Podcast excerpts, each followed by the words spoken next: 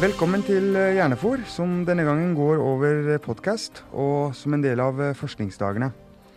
Dagens samtale dreier seg om bruken av sosiale medier, om konspirasjonsteorier i koronaens tid, om frihet, om håp og ikke minst om tro og livssyn. Med meg har jeg i dag eh, Kaja Melsom og Didrik Skjerven Søderlind. Didrik er journalist og forfatter. Kaja Melsom er filosof og også forfatter. Begge jobber i Human-Etisk Forbund og har eh, publisert en rekke bøker om bl.a. tro og livssyn. Og jeg starter samtalen med å spørre begge hvordan de eh, har eh, hatt det i koronatiden. For meg har det vært uh, veldig hektisk, fordi jeg er alene med to barn. Og plutselig så satt jeg med full jobb og to unger som skulle ha hjemmeskole. Så jeg begynte med friskt mot. og så gikk jeg på en sånn minismell og kjente at nå er jeg utrolig sliten og orker ikke å høre på én person som klager over at de kjeder seg. ja. Så, men nå har jeg prøvd å hente meg inn igjen. og og har sendt barnet, det siste barnet på skolen i dag for første gang. Altså, jeg er fysisk ute av stand til å kjede meg, men jeg merker jo at jeg er blitt dummere og sløvere enn jeg var i begynnelsen av mars. Det å kle på seg voksenklær er liksom en større utfordring enn det var. Dere ser jo veldig fine ut begge to. Da. Jeg, jeg har fått trent en del hjemme, men det er liksom det eneste Så jeg har fått jobba litt. men men det er alle de, alle de, ideene jeg trodde jeg skulle få gjennomført og sånn i løpet av den tiden, har jeg selvfølgelig ikke fått til. Har dere tenkt tanker som dere vanligvis kanskje ikke hadde gjort? Det jeg har tenkt en del på, er det å være Jeg har gradvis over mange år innsett at jeg er ekstremt introvert uh, som mm. person. Mm. Som ikke er det samme som å være sjenert, uh, men at jeg har et mye større behov, tror jeg, enn veldig mange andre for å lukke døra og være alene. Og det har, jeg, det, har det blitt skrevet en del kronikker om. Mm. Uh, at nå er det de introvertes tid. Ja. og det har, jeg, det har jeg reflektert mye over. Altså både mitt eget liv og hvordan jeg agerer og um, at, at, dette med introvertheten min blir sterkere og sterkere med årene. Og at jeg til og med tenker at dette er noe jeg må snakke med mine sjefer om. Og, altså, det, det, det, fordi at det er egentlig veldig lite aksept for å være introvert i vårt samfunn. Mens, så jeg er så enig med de som har skrevet at nå, nå i denne koronatiden så er det de introvertes tid. Mm. For det å lukke døra og være hjemme, det er det mest naturlige å gjøre for en introvert person. Og endelig slipper man å ha dårlig samvittighet for at ikke man er på masse sosiale greier. Og puh, så slapp vi 17. mai-kjøret også, ikke sant. Mm. Så det, det, er det jeg har reflektert over sånn personlig. Ikke sant. Blir vi tvunget til å meditere? For mange sier at eh, nei, nå har, vi, nå har, vi jo, nå har samfunnet stoppa opp. Men den har jo egentlig ikke det. Vi er jo like aktive, om ikke mer aktive, f.eks. Mm. på Facebook og den type ting. Og, um, kanskje, kanskje, ting hadde vært annerledes hvis vi hadde hatt full meditasjon? Full isolasjon? Ja, men er isolasjon og meditasjon det samme? Meditasjon, da, uh, da tenker jeg uh, idealet i hvert fall noen retninger av meditasjon er jo å la tankene komme, men la de passere og på en måte innta en sånn um, en avstand til egen tankevirksomhet, da, som også gir, gjør at man slapper av. Uh, men det å være i isolasjon, det reagerer vi vel veldig forskjellig på. Uh, ideelt sett i starten av en isolasjon så kan man sikkert gå inn i en sånn meditativ og kanskje kontemplativ tilstand hvor man, man får et uh, hvor kanskje ideene flyter friere fordi man får i gang en dialog med seg selv som man kanskje har flyktet fra. Og, uh, mange er jo redde for å være alene og gjør alt de kan for å slippe å være alene. Enten de er på sosiale medier eller er sosiale hele tiden. Og det kan jo gå på bekostning av den evnen til å uh, lytte til egne tanker og gå i dialog med egne tanker. Men det er litt farlig å romantisere denne isolasjonen for mye. For isolasjon er jo også et torturmiddel. Alle, selv de mest introverte, vil over tid, under en virkelig isolasjon, begynne å savne fellesskapet. Eh, og føle på en smerte etter hvert som er helt fysisk. Jeg vet ikke om dere har dere noen har, Hvordan forholder dere dere til isolasjon og ensomhet? Er det jo, altså jeg er også relativt introvert eh, og kjenner jo veldig igjen det du sier. Eh, og det er noe annet. Meditasjon er noe annet. Altså, eh, jeg får ikke til meditasjon selv, eh, noe særlig i den, iallfall ikke i den mer buddhistiske varianten hvor du renser hodet for tanker og, og prøver liksom å heve deg utenfor dem. Det som fungerer meditativt for meg, er å fylle hodet med noe. Mm. Enten det er bok eller bønn eller trening eller noe sånt. Noe. Da, det gir meg den, den effekten med Altså, for mange av oss som eh, ser på sosiale medier, altså den overdrevne bruken av det som en sånn negativt tegn på at nå går vi bort fra det fellesskapet og, og liksom eh, det vi som Homo sapiens har til felles og sånn. Men nå viser det seg jo at uh, det kommer en reaksjon mot det. Vi kan ikke bare leve gjennom sosiale medier. Det er vel en av liksom, leksene vi kanskje har lært da, som samfunn samtidig Jeg er sånn som liker å prøve forskjellige uh, religiøse praksiser for å se hvordan de påvirker meg, og lære om andre livssyn og sånn. Så et av prosjektene mine i år var at jeg skulle under den kristne fastetiden avstå fra å bruke Twitter. For å liksom Og det gikk jo ganske fort i vasken, eh, fordi jeg merka at akkurat nå, virkelig, om noen gang, så har sosiale medier vært en livlinje. altså livline for å, for å kunne overleve som menneske. Det er en måte å ha sosialt samkvem med andre. Mm. Um, et av problemene vi har hatt i Norge, særlig i forhold til myndighetene, sånn, det er at veldig lenge så regulerte man ikke det som skjedde på sosiale medier. og, og straffet ikke det som skjedde på internett. og sånn, Fordi man hadde en sånn idé om at det som skjer på internett, er ikke på ordentlig. Men det som skjer på internett, er på ordentlig. Altså, det er Det oppstår virkelig menneskelig fellesskap i mm. sosiale medier. Altså Ja, folk ljuger for hverandre der. ikke sant? Det sies at Twitter er stedet hvor eh, vilt fremmede er helt ærlige med hverandre, mens mm. Facebook er stedet hvor nære venner ljuger for hverandre. Eh, fordi Facebook i veldig stor grad handler om sånn her se hvor, eh, se hvor lykkelig familielivet mitt er, og hvor pene barna mine er, og hvor fantastiske småkakene mine ble. Ikke sant? Altså, men, men, det som skjer der, er ekte. Altså, jeg kjenner folk som er gift fordi de har truffet hverandre på Facebook. Eh, det å si at det liksom er noe sånn mindreverdig, det syns jeg ikke holder lenger. Nei, jeg, der får jeg være den skeptiske, da. For jeg, det jeg frykter med for mye sosiale mediebruk, det er ikke at det ikke er ekte, eller at det er mindre ekte. Eller det er også selvfølgelig barn som vokser opp, som tilbringer flere timer foran skjermen enn i sosial interaksjon med andre. De vil gå glipp av noe som er viktig å lære. Eh, som man 90 av eh, kommunikasjon er kroppsspråk, bl.a. Eh, men eh, for oss voksne, det jeg frykter mest, det er avhengighet. Altså at det trigger Det er bygget opp på en sånn måte og med en hensikt. Uh, hensikten er å holde oss mest mulig foran skjermen, for det er forretningsmodellen som alle disse sosiale plattformene baserer seg på. og Det er sånn de tjener penger ved å pøse ut annonser, målrettede annonser. Uh, så målet er å holde oss mest mulig foran skjermen, og det for oss så er jo resultatet avhengighet. Og jeg tenker at vi som all annen avhengighet, ja, det føles deilig og i øyeblikket å ta seg den ølen hvis man er alkoholiker.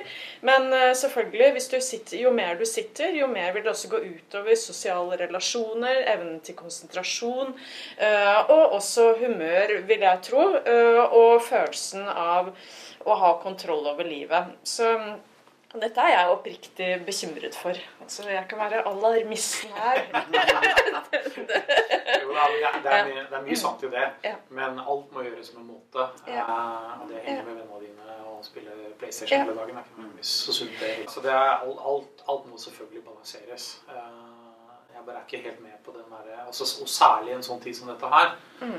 hvor folk ikke får hatt interaksjon på, på så mange andre måter. Så det er sosiale medier virkelig har vært fylt en veldig viktig funksjon for folk. altså. Jeg tror mange har utviklet avhengighet i denne perioden og kommer til å slite med det. Uh, for, og jeg mener at det er noe annet å Alt må gjøres med måte, ja, men disse plattformene er bygget opp. De har brukt de flinkeste, dyktigste psykologene i verden for å trykke på alle knappene våre for å få oss til å bli avhengige. Eh, så jeg tror det der med at enkeltindividet skulle kunne utvikle en motstandskraft eller regulere dette selv Jeg frykter at mekanismene som gjør at vi blir avhengige, er sterkere enn det enkeltindividet kan motstå. Mm. Ja, men Da fikk vi tatt en debatt om uh, sosiale. Det med konspirasjon er jo i seg sjøl interessant. Hvordan konspirasjonsteorier oppstår. ikke sant? Uh, under hvilke omstendigheter har de vind i seilene, osv. Men hvis vi tar uh, og kikker på den tida som har vært nå, rent konkret, koronakrisen Kineserne sier at det er amerikanerne som har lagd det. Amerikanerne sier at det er kineserne som har sluppet det ut, eller lekket det ut av en lab. At den egentlig er produsert i, laboratoriet. Og at kinesere med vilje da har, har lekka det ut. Hvorfor tenker vi sånn? Altså, De sprøeste konspirasjonsteoriene er jo de som mener at virus er trigga av 5G-teknologi og sånn. Ja. Eh, det er jo en sånn ting som har gått som en farsott og ført til f.eks. angrep på 5G-master. Eh, og installatører i England f.eks. Eh, og lignende krefter har du i Norge. Litt sånn Don Quijote mot vindmøllene? Ja, det er jo på det nivået. Men, men, det er jo helt altså det er jo helt sprøtt, og det er mye av det. Du ser de samme tingene blir pusha i Norge av kjente folk. altså Henriette Lien, f.eks. Uh, skuespilleren og yogalæreren har vært på den bagen her. Uh, så det Altså Konspirasjonsteori ligger som en tilbøyelighet i oss. I oss mennesker. Som er nok en del av vår biologi. og som handler om at det er en fordel for oss, en evolusjonær fordel, å se skumle mønstre. Det klassiske eksempelet er liksom at når du hører det, når du er liksom del av en liten familieenhet eh, med halvaper som lever på savannen, og du hører det rusle i rasle i, i, eh, i, gresset, så er det lurt at du da tenker at det kan være et rovdyr. Mm. Da har du en evolusjonær evne til å overleve. Men så er det problemet det øyeblikket hvor den mistenksomheten går for langt, og du begynner å se sånne skumle mønstre overalt, og da får du konspirasjonsteorier. Det har vært med oss i tusenvis av år. Altså, det er en del av, av vår tilbøyelighet eh, til å si at kjipe ting som skjer, må ha en årsak. Og derfor så, altså, For en konspirasjonsteori er alltid en forklaring på hvorfor det skjer noe kjipt, ikke hvorfor det skjer noe bra. Og gjerne en enkel forklaring på noe som er vanskelig. Ja, altså det er, veldig, det er mye greiere å, ta å, å mistenke at det er liksom en ond gjeng med folk som sitter og styrer verden, og som er grunnen til at landet ditt er på dunken, og at livet ditt er kjipt, og du ikke får deg kjæreste og sånn. Det er mye lettere å legge skylda på noen enn å innse at jøss, det er kanskje Maybe it's me. kanskje det er meg, liksom, som gjør at livet mitt eh, er såpass trist og mislykka som det det er. Eh, så det er noe der, da. Og det som er interessant å se, er jo at de folka som er tilbøyelige til konspirasjonstenkning, de går jo rett på de klassiske kjepphestene sine. Ikke sant? Eh, den farligste er jo den kanskje også mest klassiske konspirasjonsteorien i vår kulturkrets, da, som er at det er jødene som har skylda. En lang tradisjon i Vesten for å mene at når det bryter ut pester og sånn, så er det jødene som har forgifta drikkevannet og sånne ting. Det, er, det, er, det, har vært med oss i tusenvis av år, de forestillingene. Og de kommer tilbake nå i en ny variant, hvor det er jødene som står bak koronaviruset. George Soros som mm. liksom, står bak på en eller annen sånn skummel måte for å kunne ta, ta kontrollen over verden og sånn. ikke sant? Altså, det er, det er utrolig skummelt. Før jeg slipper Kaja løs på det her, altså den der raslinga ute i skauen eller savannen, den kan jo være nyttig. Ikke sant? Ja, ja. For en mistanke som ikke er uh, riktig, er jo likevel bra å ha, for det kan vise seg å være riktig. Mm. Så den hjelper biologisk oss til å være klare, eller være i slags uh, forberedt modus. dermed så får vi noe ut av det. Men vi får jo ikke noe ut av den derre jøden, ikke sant. Altså Det å skille alt på jøder forklarer jo ikke Det, det forklarer selvfølgelig mye, men det hjelper oss ikke med å oppfatte verden på en bedre måte eller være mer forberedt. Nei, og det er jo et av argumentene mot konspirasjonstenkning som sådan. En grunnleggende mistenksomhet overfor folk. Og ikke minst mennesker med makt. Det er lurt. Det er lurt å, en, eh, å være mistenksom overfor myndighetene, f.eks. Og si at altså, politikere har ikke alltid kun edle hensikter. Men ideen om at politikere vil gjennomføre et folkemord på oss gjennom å slippe løs en planlagt pandemi for å ta livet av halvparten av oss for å kunne slavebinde resten, det, er ikke, det tjener deg. Det er ikke en fordel å tro på. Um, en annen ting er jo det altså at det å, det å, særlig det å legge skylda på minoriteter, f.eks. muslimer eller jøder For det er altså, muslimer har altså fått, kjeft, fått skylda for dette, selvfølgelig. Ja. Det, det, gjør jo ikke, ikke, bare er det jo livsfarlig, fordi det er jo med på å legge til rette for rasisme og folkemord. Uh, en annen ting er jo at når du legger skylda for alt som galt, galt i samfunnet på én gruppe, så er det jo veldig masse svinepelser som går fri. Mm. Poenget er jo ikke at muslimer eller jøder er bedre folk enn alle andre. De er like håpløse som alle andre. Mm. Like dumme og grådige og slemme. Uh, men problemet er at du da lar en masse folk i andre grupper gå fri. Ikke sant? Poenget er jo ikke at jøder er bedre enn oss. Poenget er at de er ikke noe verre enn oss. Uh, ja, du sa innledningsvis at konspirasjonsteorier ofte er enkle. Eh, det vet jeg ikke helt om jeg er enig i, for jeg har hørt ganske mange intrikate forklaringer på uh, hvorfor um, Hvorfor en eller annen skummel konspirasjon står bak et eller annet fenomen. Men, at vi aldri har landa på månen. Ja, ikke sant. Og da kan man lage ordentlig ja, intrikate forklaringer på det. Men, men det som men, men det er noe enkelt over det likevel, fordi det, er en, eh, det gir en enkel forståelse av verden. At verden er eh, At eh, hendelser i verden har klare årsaker. Og at det er gode og onde mennesker. Og det, ikke sant Verden er jo langt mer kaotisk. Det er tilfeldigheter som spiller inn.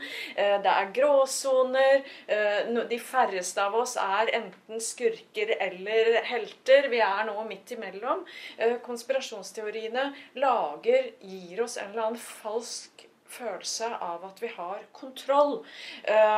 og det tenker jeg i krisetider, sånn som nå, hva er det vi mister da, alle sammen? Det er jo kontrollen. Og da tenker jeg det er veldig menneskelig å prøve, og særlig når vi opplever For i Norge er det jo egentlig ganske stor tillit til myndighetene. Men når vi opplever det som alle nå opplever, at selv myndighetene, helsemyndighetene, har ikke svar. De er uenige. De sier én ting den ene dagen, en annen ting neste dagen. Det kommer forskning som motsier annen forskning hver dag. Eh, og det er jo et sånt enormt Hvem skal man stole på? Eh, og det er klart, hvis man da eh, greier å tro på en eller annen forklaring om at her er det noen eh, som i det skjulte har konspirert, og greier å få det til å høres ut som en annen sannsynlig fortelling, så er det Da har man laget orden i tilværelsen. Da har man skurkene. Man vet hva man må gjøre. Man må ta knekken på skurkene. Eh, og så slipper man å være så redd for viruset. For mange av, mange av konspirasjonene går jo nettopp ut på at viruset Ja, nei, det kan være farlig. Jeg bare Nei, øh, unnskyld. Øh, av Er det ikke noen av konspirasjonene hvor resultatet er at man øh, at det ikke er så farlig at man egentlig ikke trenger å ta det så alvorlig. Det, Didrik, du har kanskje fulgt med på disse koronakonspirasjonene? Altså Greia med konspirasjonsteori er at det er som regel en skurk med ligninga. Ja, det er en skurk. Og det er, og så er du helten. Ja. Eh, du, er den, du er den som er ikke, ikke bare gjennomskutt alt sammen, men du er liksom helten i rustning på den hvite hesten ja. som skal vekke folket. Eh, og det er en utrolig farlig kombinasjon, fordi folk er ofte veldig farlige når de mener at de har sett en sannhet som ingen andre har skjønt. Mm. En annen faktor her er jo at altså, noe av det som gjorde at jeg ble interessert i konspirasjonstenkning, i utgangspunktet, er det er jo en slags verdslig demonologi. Det må du forklare for oss. Altså, det er Altså, en demonologi er læren om demoner, hvordan onde krefter fungerer i verden. Som, som i klassisk kristen tenkning som har sett for seg at mye vondt som har skjedd i verden, har vært med demoners skyld. Eh, og, og, det er jo farlig, fordi du begynner da å innbille deg at mennesker står i ledtog med disse demonene, og plutselig så får man noen heksebrenninger og sånn. ikke sant? Og det og Konspirasjonstenkning er på mange måter en slags religionserstatning uten alt det som gjør religion bra. da. Det er liksom alt det verste med religion. Eh, gruppetenkning, stigmatisering av de som er annerledes. Ideen om at man sjøl har skjønt alt, og andre er ikke bare dumme, men også onde. Hva, hva, er det religion har, eh, eller religiøse praksiser og forestillinger har, som ikke konspirasjoner har? Jeg syns jo at det som er litt av greia med religion, er jo at det veldig ofte inneholder veldig mye av lære om etikk, solidaritet, veldedighet. Eh, normer. Positive normer og sånn. ikke sant? Mens det som konspirasjonstenkningen gjør, er at den sier jo at du er den som gjennomskuer alt. Du er den som har skjønt alt. Uh, og du har også en veldig stor sånn misjon. altså Du har et, et nærmest hellig oppdrag. da. Og Det gjør at, det er en av grunnene til at ganske mange konspirasjonsteoretikere oppfører seg helt grenseløst. De kan være helt ufyselige i sosiale medier og sånn, fordi de, de føler at de har rett til det. Fordi de som er mot dem, de som kritiserer dem f.eks., de er jo da i ledtog med de onde kreftene. Ikke sant? Så det, de har lov til å gjøre nesten hva som helst. Eh, vi har begynt å få en del dommer og sånn på folk som fra konspirasjonsmiljøet mm. som beskylder kritikerne sine helt uten grunn for liksom å være pedofile eller, eller så, sånne ting. Da. For å berøre noe av det dere snakker om nå altså I USA f.eks. så er det jo ikke bare de som kommer med konspirasjonsteorien som er farlige, men det er den store tilhengerskaren de har. Også, også, som deltar i den der ja, ja. utpressingen, sjikaneringen av folk som mm. ikke er på side med dem. Og sånn. Og så vet vi sant, at jf. for befolkningen så er Norge et av de landene med størst skepsis til f.eks. klima. Ikke sant? Altså mm. Sannheten om klima og det som måtte være. Hvordan kan det ha seg sånn at Norge er på linje med USA og Saudi-Arabia på, på, at man ikke tror på at klimaendringer er menneskeskapt og den type ting? Det kan jo være at vi ikke har sett så mye til det her hjemme ennå. Uh, fordi vi har jo, i motsetning til i USA, så har vi jo ganske stor tillit til myndighetene. Eh, og til vitenskapen også, vil jeg tro. Jeg tror det er i USA nå så mener Er det en tredjedel eh, tror jeg virkelig mener, sier i undersøkelser, at de tror koronaviruset er menneskeskapt. Mm. Eh, og det er jo ganske mange. Eh, jeg tror ikke du får lignende tall her i Norge. Ja, det, det, tror jeg ikke jeg heller. Nei, det... Nei nå, nå, vridde jeg om på spørsmålet ditt, men klimaskepsis Jeg, øh, jeg tror at vi mennesker er sånn at vi blir ikke ordentlig redde før vi begynner å se symptomene selv, før det renner olje ut av krana. Så jeg tror kanskje vi har vært litt forskånet for de verste klimaeffektene av at klimaet er truet. Det er vel kanskje en element av egeninteresse også. Olje ja. Oljeinntektene er jo litt av ryggraden i økonomien vår. Så det er alltid vanskeligst å ta inn over seg det som går på ens egen, ens mm. egen identitet. Ja, det er interessekonflikt. Hva er det som stagger og er med å bekjempe øh, konspirasjoner? For kunnskap er åpenbart ikke en forutsetning i seg sjøl.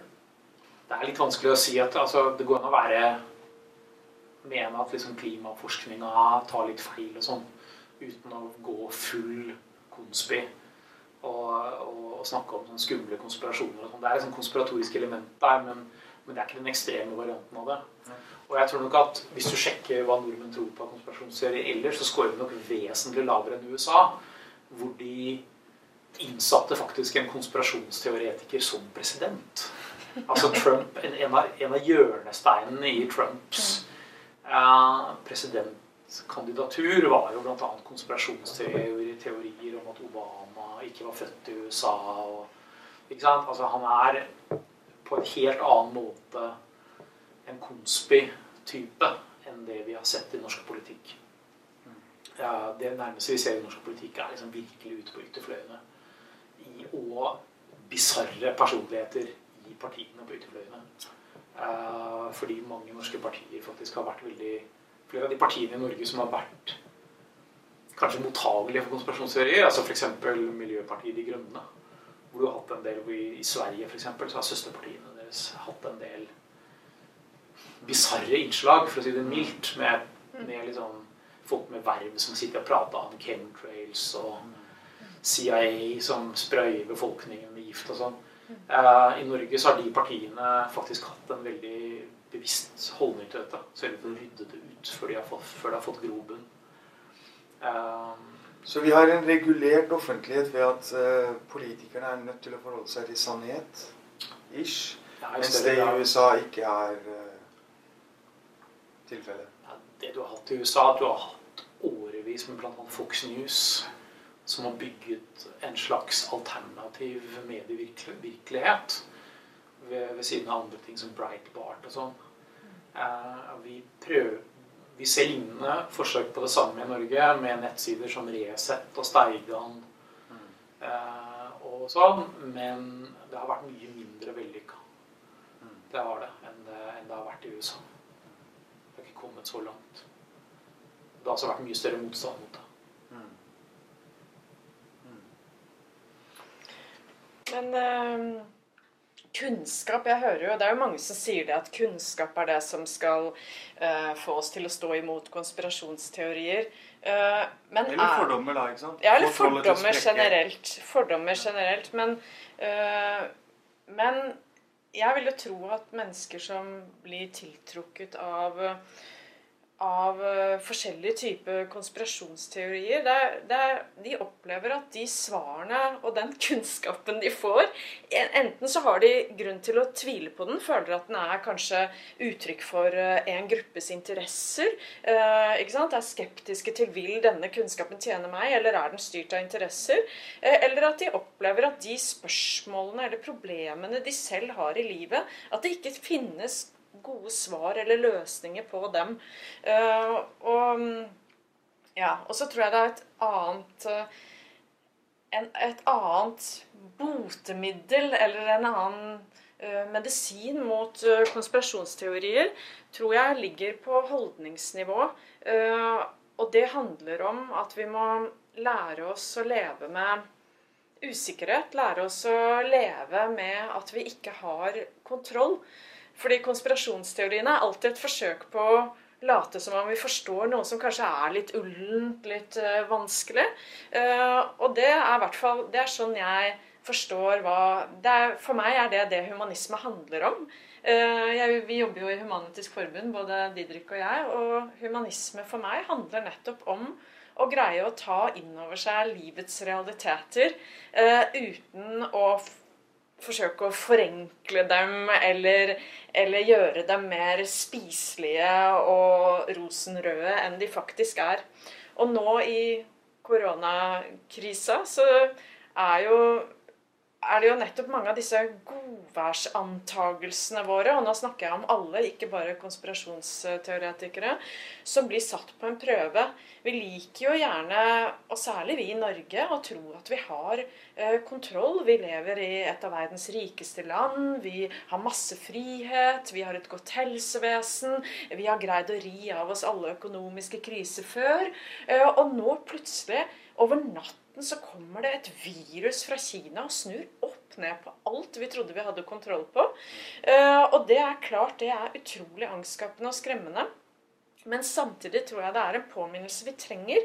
Eh, en påminnelse om at vi har ikke kontroll. Samme hvor trygt land vi bor i, hvor rike vi er, så er det nå engang sånn at livet eh, styres av i veldig stor grad, og mye større grad enn vi liker å innrømme, av tilfeldigheter. Og det er det som viser seg nå. Ting vi ikke har, har kontroll over. Uh, og, hvis, hvis vi, og jeg tenker hvis det kan synke litt innover og inn i oss alle sammen, så vil vi være mer motstandsdyktige mot konspirasjonsteorier også. Hvis vi greier å ta inn over oss det. At vi kontrollerer ikke livet, og det er um, er, verden er ikke sånn at man enten befinner seg på uh, den trygge, gode siden eller den uh, eller så tilhører man skurkene og den onde siden. Men her, selv, selv de rike, gode nordmennene kan få livet snudd opp ned. Ja. ja, for du sier jo i din siste artikkel at ja. vi alle nærmest lever i en livsløgn. Ja, jeg opplever jo, det har jeg skrevet bok om òg, eh, at jeg mener at dagens frihetsideal på mange måter er en livsløgn. Vi har eh, Vi, vi snakker om frihet og idylliserer friheten eh, som om det å ha mange muligheter gjør at vi kan velge oss det livet vi vil leve Eller vi overdriver først og fremst da, hvor mye frihet vi har, og i hvilken grad vi kan velge oss det livet vi skal leve. velge oss, Vi innbilder oss gjerne at vi kan velge oss den helsa vi vil ha, f.eks. Ved å spise, og spise sunt og trene. Så kan vi leve, leve så lenge vi vil, og så sunt vi vil. Eh, ved å jobbe hardt og eh, stå på, så kan vi få den utdannelsen vi vil. Eh, og så under og så underkommuniserer vi i hvor stor grad vi fortsatt er, er, blir styrt av tilfeldigheter. Og den mest åpenbare tilfeldigheten er jo hvilke foreldre du har. Det er en tilfeldighet. Det er ingen som velger eller kontrollerer hvilke familier vi blir født inn i. Så den største konspirasjonsteorien er egentlig at vi har kontroll?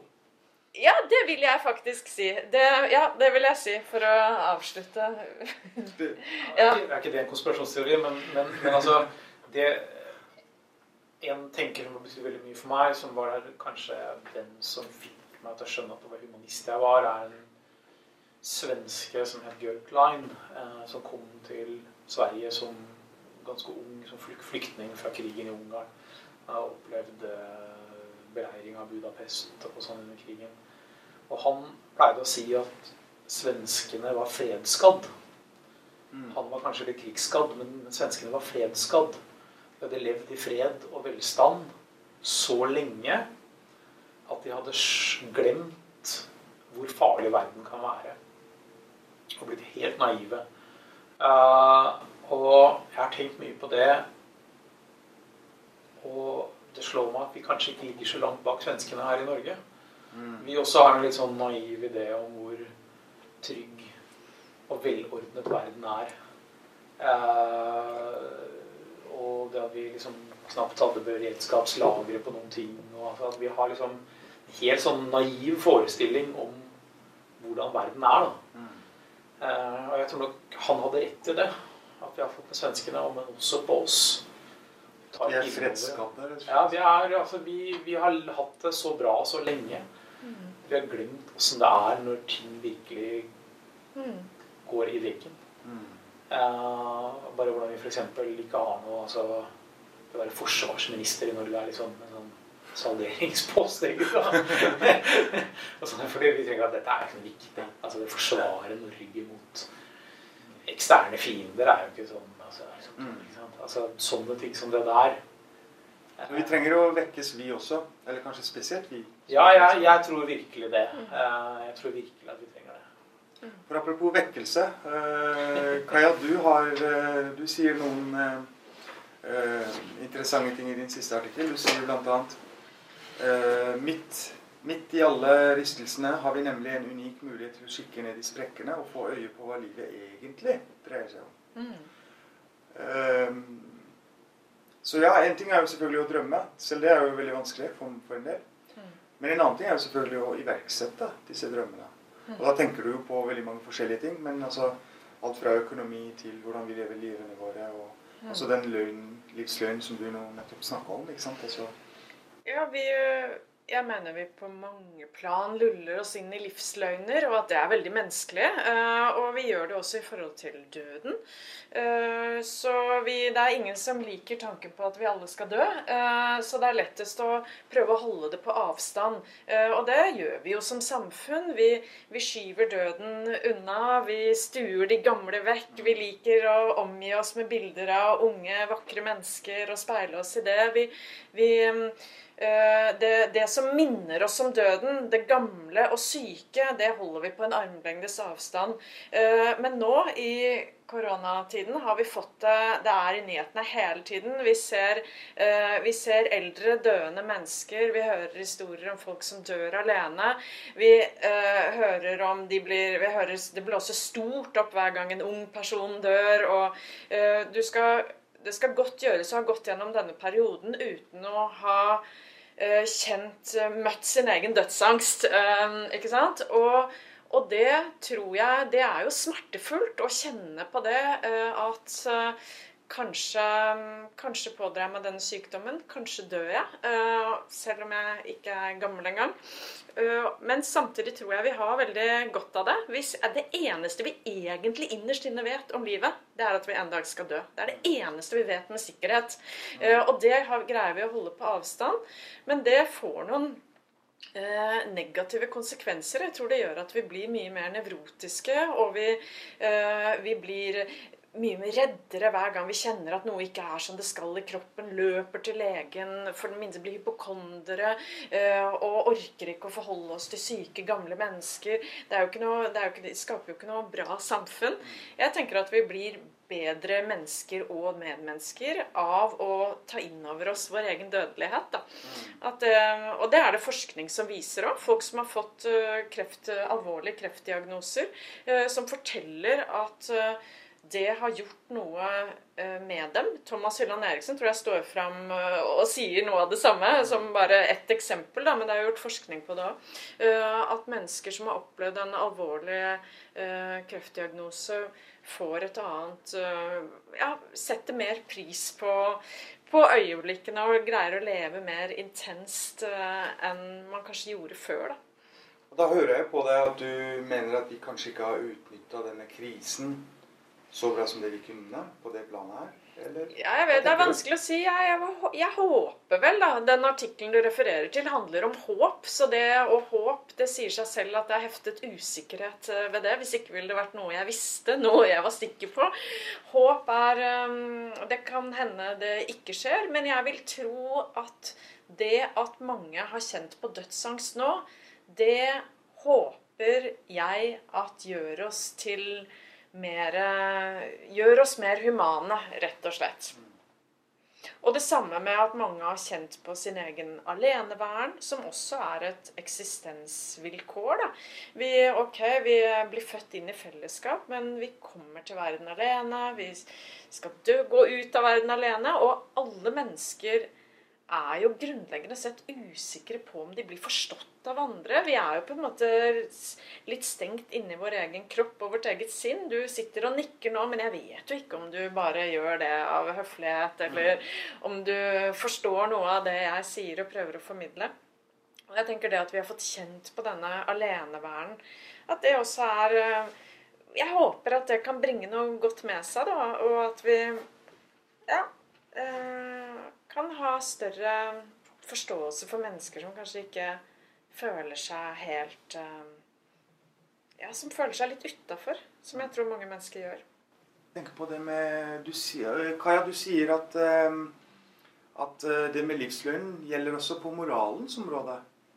Ja, det jeg skriver, er at mange har jo reagert på den moralske pekefingeren har dukket opp. Eh, at vi begynner å blande oss inn i hva andre gjør. Det er vi rett og slett ikke vant til. For det er jo mange uh, som har utbasonert på hvert fall i sosiale medier at de blir forbanna når de ser folk som ikke uh, Ja, for, de er forbanna over folk som Hva var det i starten, da? Uh, hamstret. alle som hamstret, det var egoistisk. Og så var det de som dro på hytta, det var egoistisk. Og så var det de som lot barna leke med andre barn og stå tett, det var egoistisk. Og det at uh, noen kaller oss egoister, uh, det tror jeg er veldig nytt uh, for oss, fordi vi er vant til at det jeg har lyst til å gjøre og ønsker å gjøre, det er også det jeg blir oppfordret til å gjøre.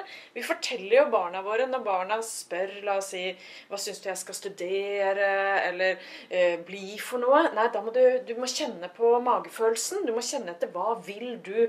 Det blir opphøyet til et moralsk eh, prinsipp. Eh, det å kjenne etter hva man selv ønsker. Mens nå, for første gang på veldig lenge, opplever vi at andre stiller moralske krav til oss om å oppføre oss på en viss måte, og til å trosse våre egne ønsker. Hæ? Jeg har lyst til å hamstre, jeg har lyst til å kjøpe 20 pakker dopapir. Får jeg ikke lov til det? ikke sant? Eh, og det tror jeg det tror jeg, Og mange har da også skrevet kronikker ikke sant, om at nå har moralpolitiet dukket opp igjen. og sånn. Men, men jeg tror vi har godt av å bli minnet på at moral eh, aldri har handlet om å gjøre det man har lyst til eller ønsker selv.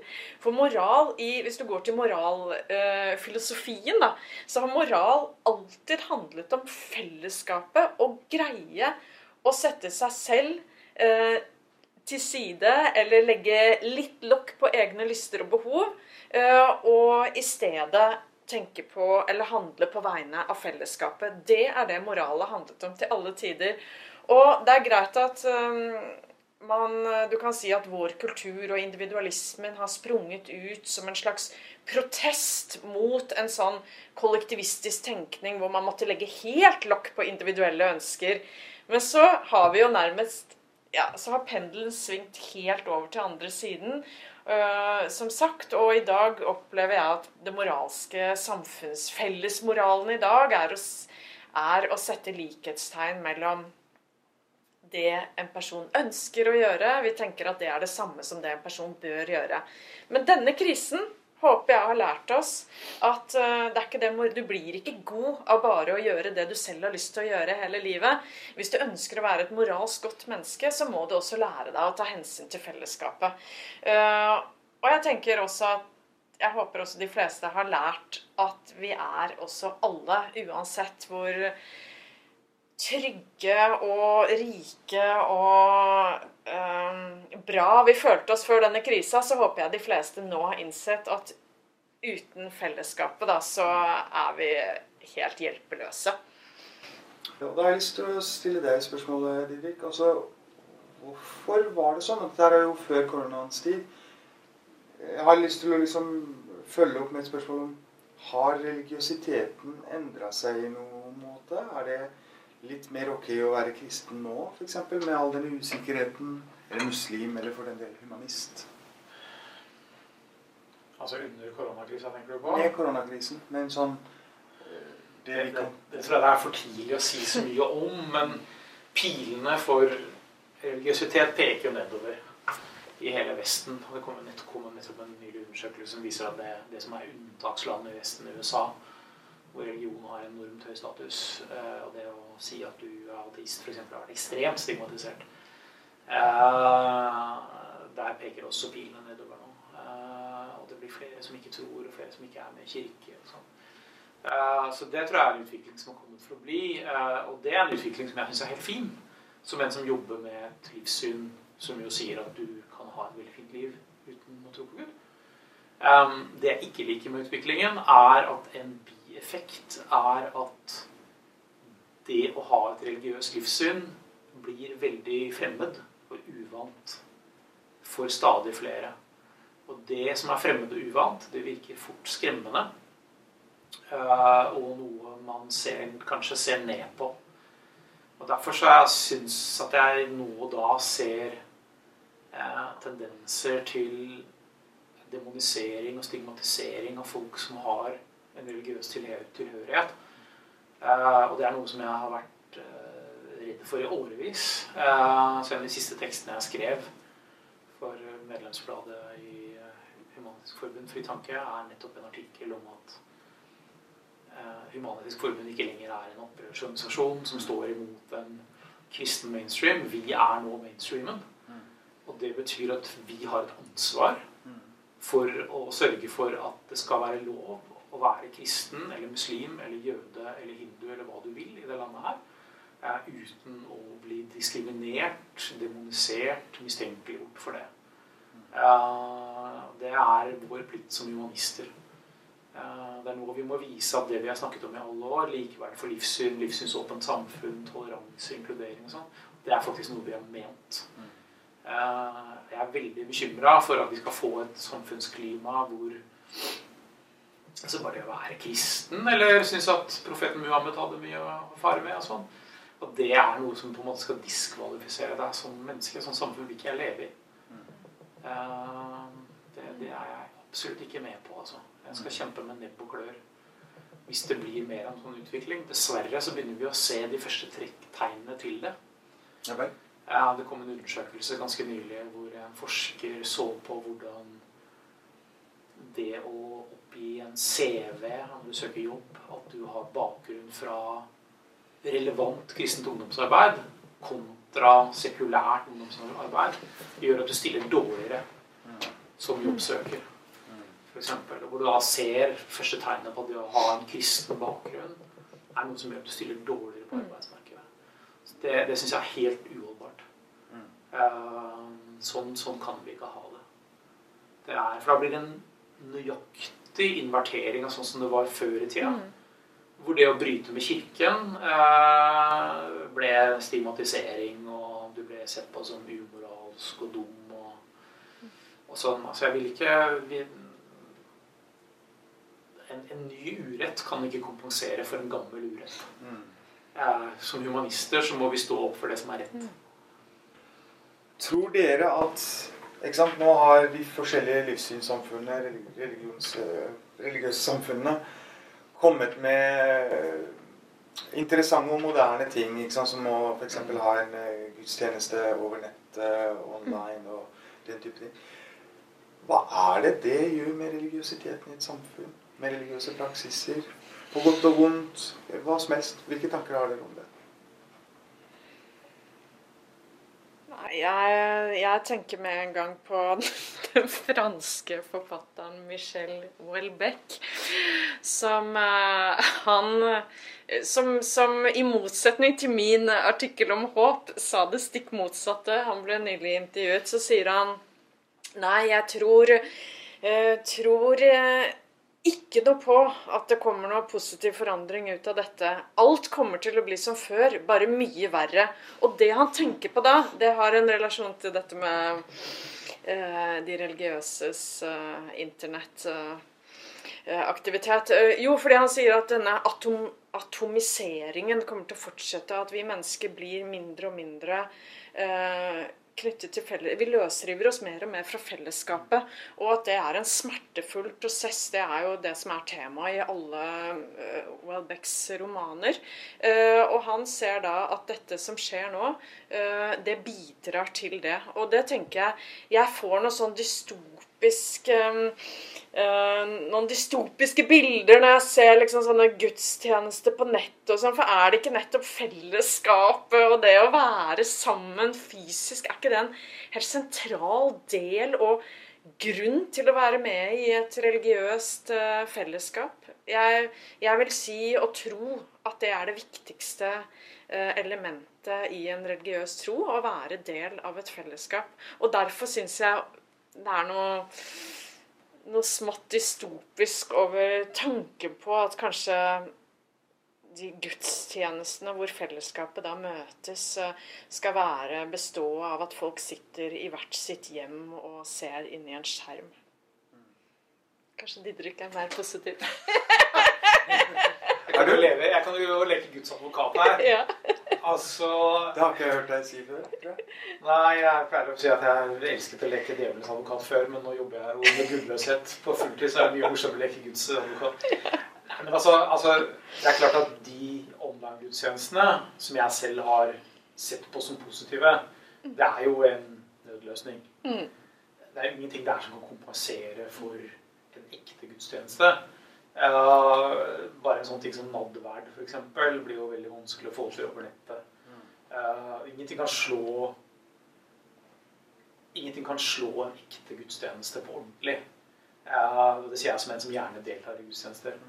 Uh, det jeg derimot tror vi kan se, er at når ting normaliserer seg, at vi kanskje kan se en beste av begge verdener-løsning.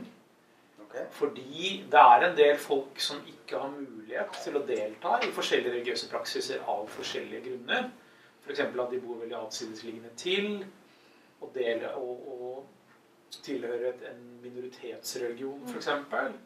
Um, eller av helsemessige utfordringer, den type ting. At vi kan se en situasjon hvor enkelte gudshus vil både ha en fysisk gudstjeneste og streame den. Uh, og dermed åpne et rom for folk som ellers ikke ville kunne delta. Mm. Um, så det er også en så, Som for sportens skyld så kan jeg jo lansere den muligheten. Mm. Uh, og jeg syns at Jeg vil gjerne rose religiøse mennesker i Norge for at vi ikke så det som skjedde f.eks. i USA, hvor det var enkelte evangelikalske kirker som insisterte på å. Ikke sant? Mm. Tross uh, smittefare mm. og sånne ting. Altså, sånt så du ikke i Norge. Moskeene avlyste fredagsbønnen. Kirkene stengte. Ikke sant? Altså Sånne ting som det vil jeg si var helt supert. Jeg tror de har lært en del av det. Jeg så nylig at uh, sjefsrabbien i Storbritannia deltok i en såkalt interfaith iftar mm. under ramadan. Ja. Ikke sant? Og det synes det var noe av det som, hadde, som jeg savner den, den tiden. Da, fordi jeg syns det er morsomt å, å, faste noen dager under ramadan. Eh, for å forstå muslimer bedre. Og det er noe jeg har sett fram til, var å ha iftar for uh, muslimer jeg kjenner på verandaen min. sånn fastebruddmåltid. Eh, så det var veldig savn. Da. Men, men, uh, men jeg, jeg tror at det kommer til å bli en mer sånn Altså, det du ser, er jo at at religiøse mennesker Norge er flinke til å ta i bruk teknologi. Altså det er, Innimellom så prøver jo folk å starte en sånn debatt om bønnerop og sånn i Norge. Skal vi ha muslimske bønnerop i Norge? ikke sant? Og faktum er at vi har hatt muslimske bønnerop i Norge. To menigheter søkte om rett til å ha muslimske bønnerop. Begge to slutta med det. Fordi det fungerte ikke. Det overdøva trafikken, og folk muslimer bor så spredt i Norge. ikke sant? Bønnerop fra en moské er jo ment å kalle inn de som bor i nabolaget. Det blir litt mm. meningsløst. Mm. Så isteden så gikk alle over til apper. Mm. Så det, ja, muslimske bønnerop er lov i Norge. Det er bare ingen som gidder Men til å begynne med så var det vel eh, begrensninger, regulering på hvor eh, høyt det kunne være i forhold til f.eks. For kirkelyden. Uh, og det var, en, altså det var en av flere grunner men, til at man sluttet å bruke det. Men, men hovedgrunnen til at man sluttet å bruke det, som jeg har forstått det, er at det gir liten mening. Ikke sant? Altså, mye bedre å lage en app. Mm. Og det samme ser du i kristne frimenigheter også. De lager, Menigheten har en app mm. hvor du kan regulere alt. Hvor du får all informasjonen du trenger om hvor møtene er. og ikke sant? De deltar i veldedig arbeid. og Eh, pengeinnsamlinger, alt sånn som du trenger å vite for å delta aktivt i et meningsliv, har du i en app.